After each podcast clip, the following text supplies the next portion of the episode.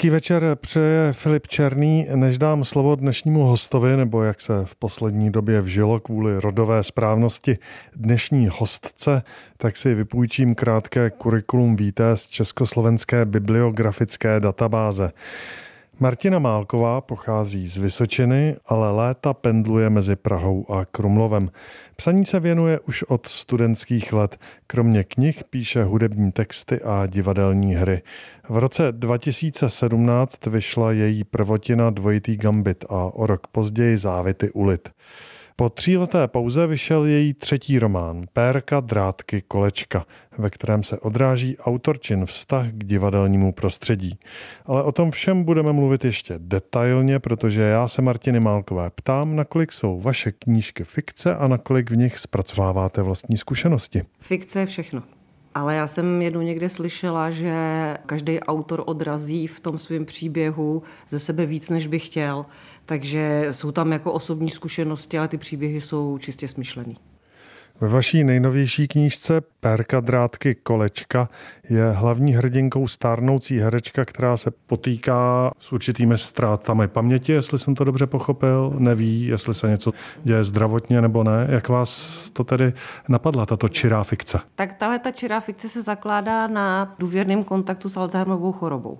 Protože moje maminka byla alzheimerický pacient, umřela i v důsledku té nemoci a pečovala o ní moje sestra, protože byla nejblíž a vím, co to jako obnášelo, co to sebou přinášelo. A pro mě byl zajímavý ten vztah dvou sester, vztah k tomu pacientovi vlastně, který se mění před očima, kdy s inteligentní ženský, která znala odpověď úplně na všechno, se stává panovačná, zlá osoba, která se těžko nějak ovládá a vrací se nějak člověk v důsledku tady té nemoci nějak jako zpátky k těm kořenům jakoby dítěte. Jenomže malýmu děti můžete maximálně naplácat, ale rodiče nenaplácáte. To je jedna věc, která mě k tomu přivedla, že jsem si vlastně, já to tam potřebovala nějak vyřešit. Ne vztah se svojí sestrou, ten je ideální, tam ten, ta knížka nějak nekopíruje jako vztah mě a mojí sestry, ale potřebovala jsem si sobě vyřešit ten zážitek s tou chorobou. A protože mě zajímá divadlo, a protože je mi to hrozně blízký a i v naší rodině vždycky to divadlo se nějak jakoby objevovalo buď prostřednictvím fanatických diváků a návštěvníků divadel, nebo moje babička byla s dědečkem ochotnický eh, divadelníci, kde se seznámili vlastně na divadle. Takže proto to divadlo tam. Ale hlavní ten důvod, který tam byl, bylo opravdu jako sama pro sebe nějak jakoby terapeuticky si i zpracovat tu zkušenost s tou nemocí. Pomohlo to? Pomohlo pomohlo. Byly pasáže, které jsme mi psali hrozně těžko, který jsem dlouho i odkládala, než jsem se do nich pustila, že jsem třeba na tři měsíce zabrzdila psaní, protože jsem věděla, že teď by tam měl být ten úsek nějaký. Ale pomohlo to. Člověk se může z těžkých věcí vypsat, vyběhat, vyspat, ale to psaní jako je nejvíc asi. Já mám sám tedy také zkušenost s alzheimerickými ženami. Já jsem dělal v ústavu, kde byli a vlastně jsem se o ně staral a pro mě to bylo velmi složité. Jaké to je, když je to ale vlastně rodinný příslušník? To je něco mnohem, bych řekl, asi těžšího. Je to stále stejný člověk nebo je to někdo úplně jiný? To je vlastně strašně těžká otázka na to, co se ptáte, protože on vám ten člověk vlastně umře dřív, než fyzicky opravdu umře. Kdy vy vlastně ztratíte kontakt jako s tím člověkem, s tou duší, co je jako vevnitř. Vám zůstává ta fyzická stránka, ta je pořád stejná, pořád je to ta maminka, pořád má stejný, já nevím, zlozvyky, že když něco dělá, tak si líže horní rét, ale jako uvnitř už, už tam toho člověka nepoznáváte. Pro mě vlastně nejtěžší třeba okamžiky byly, když jsem mm, přijela vystřídat sestru protože moje sestra v té době se stala babičkou, takže potřebovala za svojí dcerou do Prahy, tak já jsem ji přijela vystřídat a ona mi říkala, Martino, jako máma, až se jako vzbudí, tak jako ona už se už nepozná, jako už jako to není jako ideální. A hm, dobře, dobře, tak jsem se na to připravovala. A byl doma její starší syn, mé sestry, mladší syn mé sestry. A já jsem šla za mámu a tak jsem ji jako hleděla po tváři. Říká, mami, ahoj, já jsem přijela, to jsem já. A ona otevřela oči, ahoj Martinko, co tu děláš? A já jsem byla jako překvapená, říkám, tak to je báječný. A ona šla potom za náma do kuchyně, kdy ten můj synovec, její vnuk, jako něco tam jako připravovala, ona ho začala chválit, eh, jak je šikovný v tom vaření a my jsme se po sobě tak dívali, jako to je, jako, jako je to úžasná jako změna jako k tomu pozitivnímu. A zapředli jsme s ní debatu a ona vyprávěla, vyprávěla a pak najednou lusknutím prstu jako se ztratila a zase byla pryč, jo? Už, už nevěděla, co tu děláte, kdo jste. A tohle to pro mě byly jako nejstrašnější jakoby vlastně okamžiky. V knižce tedy, když se vrátím k vašemu nejnovějšímu románu, tak tam je v podtitulu dvě ženy, jeden muž. No, nakladatel měl přání, aby vlastně přiblížil tu knížku jako nějakým headlinem. Je tam dvě sestry, dvě role, jeden muž. Ty dvě role jsou divadelní role, anebo právě jsou to role té nemoci? Jsou to ty divadelní role a nechtěla bych prozrazovat víc, protože tam dochází přes to divadlo k takové zápletce, která by měla být překvapivá pro čtenáře. Ale vlastně teďka, když to říkáte, tak ono to může mít ještě ten druhý rozměr, ta druhá role, vlastně, do které se člověk přehrává díky té nemoci. Já teda jsem nešla do úplně nějakých trýznitelských příběhů, nebo nechtěla jsem popisovat pasáže jako nějak trýznitelský, ty, které se týkaly jakoby té nemoci, ale přesto všechno jsou tam místa, které jsou, které jsou jakoby hluboký. A třeba teďka to, co jsem vám vyprávěla o své zkušenosti, to je jakoby nej, nejbolavější, tak to jsem tam třeba až takhle jako nepopisovala. Knížka, která předcházela titulu Perka, drátky, kolečka, se jmenovala Závity ulit, tak tam byl právě ten vtip, v tom, že do ulity se vpisuje všechno. Je možná i ta vaše zkušenost, která vás vedla k té třetí knížce, eh, také svým způsobem eh, nějaký zářez do vaší životní ulity. Jo, je to tak, je to tak, je to něco, co s tím se musíte jenom jako naučit žít. To musíte jenom přijmout, protože vlastně to jsou ty šrámy nebo ty poznámky toho vašeho osudu, který si nemůžete jako vygumovat nebo odpárat. Vlastně čím jsem starší, tak se učím s tím zacházet, jako co to mě mělo naučit že ano, je to třeba bolavá zkušenost, ale co mi měla spíš dát, než vzít. Takže ty závity ulit, ve kterých se odráží to, že ten šnek vlastně jak roste, tak si sebou na té uličce nese ty škrábance od těch motyček a od těch ptáků, který jako je nesklovly a žijou s tím dál, tak vlastně je to i pro člověka nějaká metafora jako jeho osudu, vlastně, který si nese. Říká spisovatelka Martina Málková. V povídání budeme pokračovat po písničce.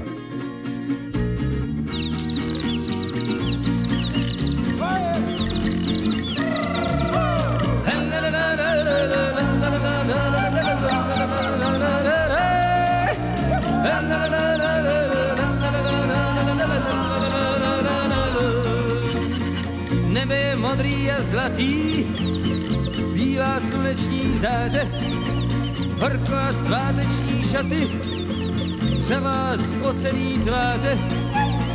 Vím, co se bude dít, vík už se po hradě spíná, kdo chce, ten může jít. Já si dám sklenici vína, žízeň je veliká, život mi utíká, nechte mě příjemně snít. Ve stínu pod píky poslouchat slavíky, zpívat si pít. Ženy jsou krásný a cudný, mnoha se ve mně zhlídla, oči jako devět studny, vlasy jak havrení křídla.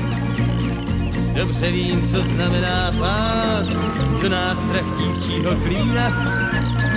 Někdo má pletky rád, já radši sklenici vína. Řízeně veliká, život mi utíká, nechte mě příjemně spít. Ve stínu pod víky poslouchat slavíky, zpívat si s ním a pít.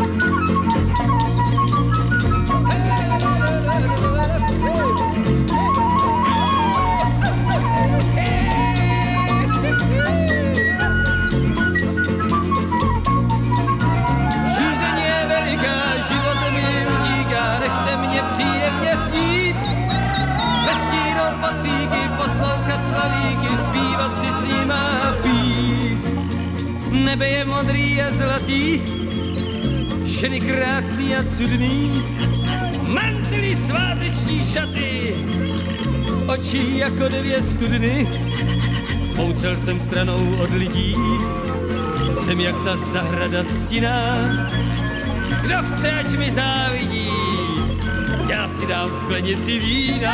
O, žízeň je veliká, život mi utíká, nechte mě příjemně stít. Ve stínu patlíky poslouchat slavíky, zpívat si s nima pít. Oh!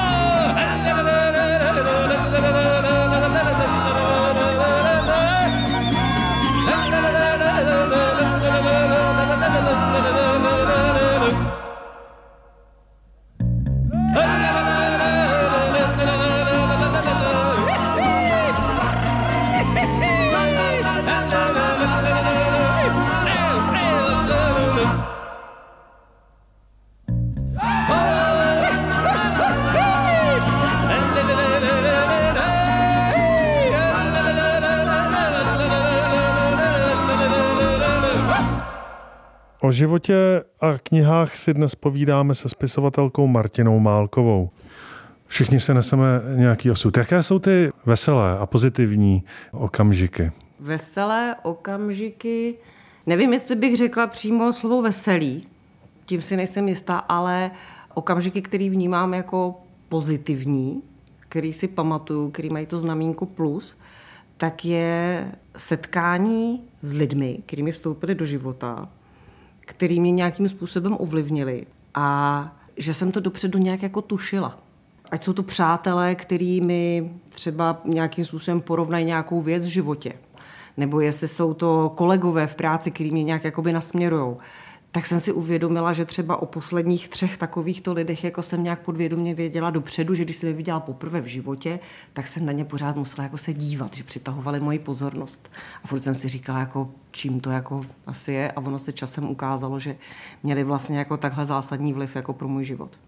Takže takové předporozumění vlastně. Existuje náhoda, mě teď napadlo. Ne, Potka... to neexistuje nesouhlasím, náhoda neexistuje, jako to, to je bylo moc jednoduché, jako kdyby existovaly náhody. A co tady existuje místo náhody? Místo náhody? Já si myslím, že si všichni svůj život tvoříme sami, aniž si to jakoby uvědomujeme, že vlastně, jak se říká, člověk by si měl dávat pozor na to, co si přeje, takže vlastně svými přáními, vědomými či nevědomými si vlastně jakoby, eh, jako směrujeme ten svůj život a vtahujeme si do života buď jako to dobrý, nebo to špatný, nebo že si ho sami i jako dokážeme zkomplikovat, ale že jsme každý strujcem svého štěstí, tomu věřím.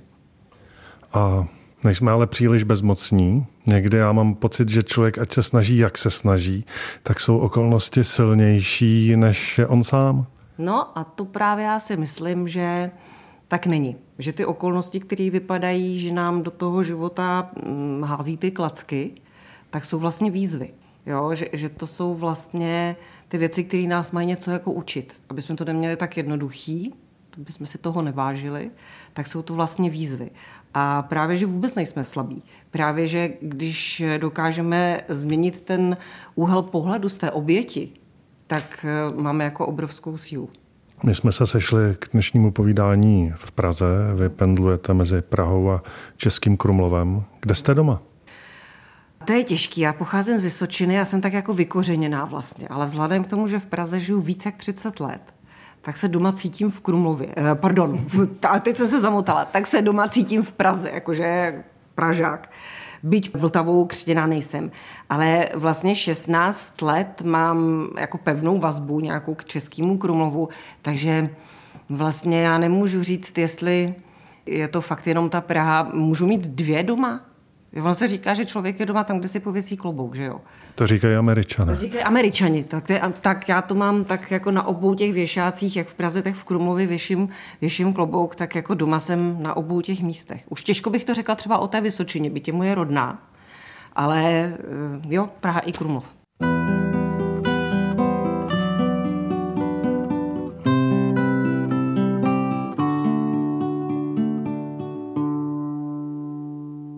Připomínám, dnes si povídáme s Martinou Málkovou, spisovatelkou. Vy zároveň pracujete jako lektorka, jste tedy profesně činná v oblasti vzdělávání. Zároveň píšete knížky.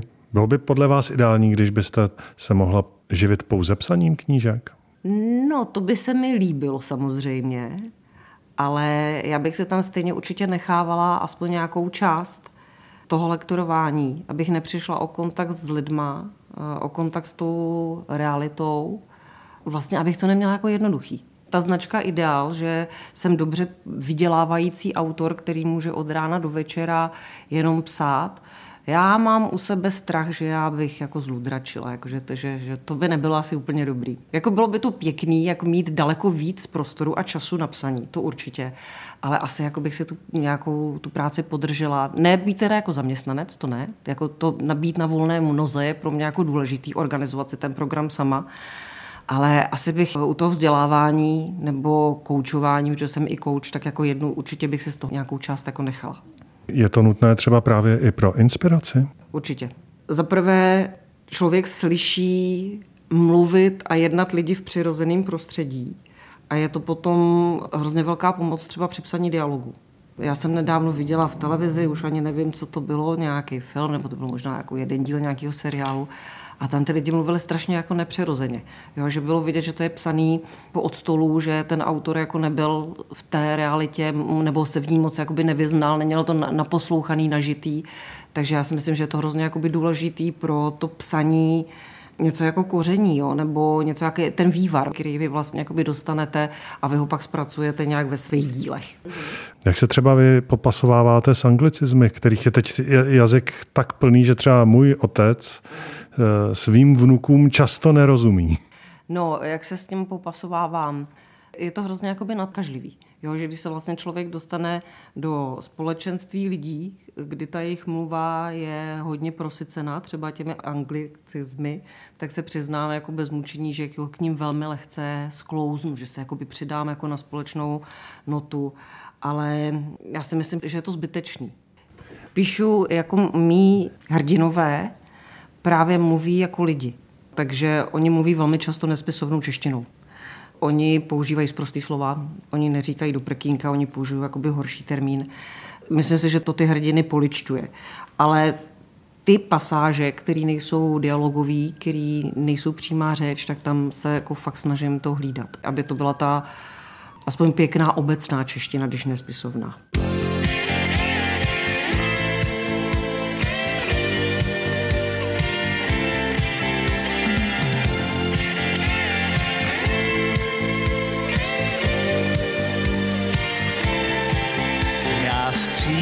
Města a proudy dálnic i hůně dívčích men. Já tam a zpátky se hnal jak blázen, s plavou někde v mléčné dráze a údivem jsem zůstal stát. Dech přestal mít, viděl jsem tě jít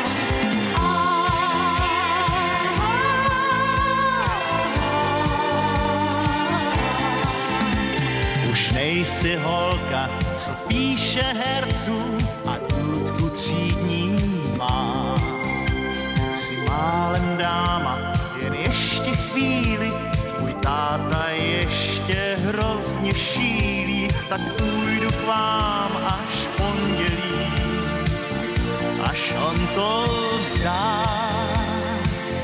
aspoň doufám já.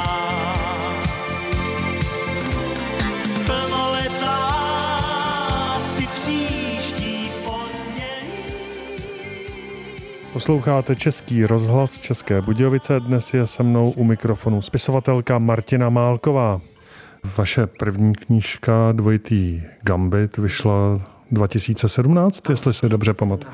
Co bylo tím podnětem, když jste se rozhodla tedy napsat prvotinu, nebo co byl ten okamžik spouštěč toho všeho? Já mám kamaráda, 30 let. Co jsem v Praze, tak mám tohoto kamaráda, jsme vrstevníci a on je taky psavec a my už, když jsme kdysi před těma 30 lety spolu začali chodit na pivo, tak jsme si vyprávěli o tom, jak bychom si přáli být spisovatele, protože oba jsme co si tvořili, nikdy jsme nic jako nevytvořili. A v roce 2014 nám vlastně došlo, že pořád chodíme na pivo a pořád si jako povídáme jenom o tom, o čem sníme a že vlastně to jako nerealizujeme. A protože už nám bylo docela dost let, tak jsme si vlastně uvědomili, že si o tom budeme povídat tak dlouho, že jednou skončíme jako na lavičce v parku, budeme krmit holuby a budeme si říkat, je, to jsme mohli kdyby. A vlastně oba jsme si uvědomili, že to je to, o čem jsem mluvila před chvílí, to, jak my sami naplňujeme ty své osudy, jako, nebo tak, jak my naplňujeme tu svoji cestu.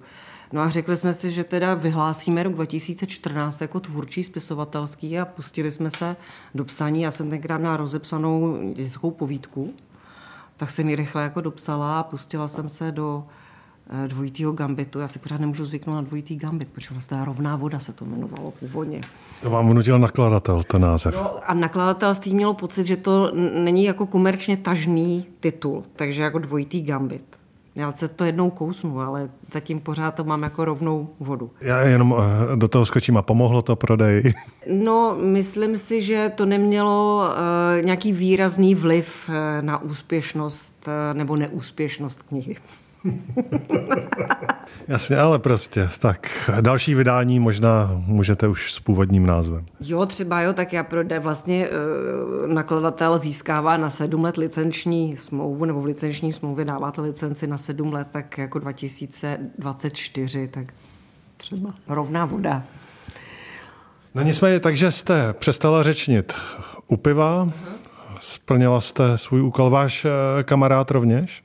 Ano, má nepřeberné množství povídek, který eh, dokonce nabízel i nakladatelům, ale on říká, že má slušný vychování, že když ho hodně kud vyhodí, tak jako už jako někam se jako nevtírá.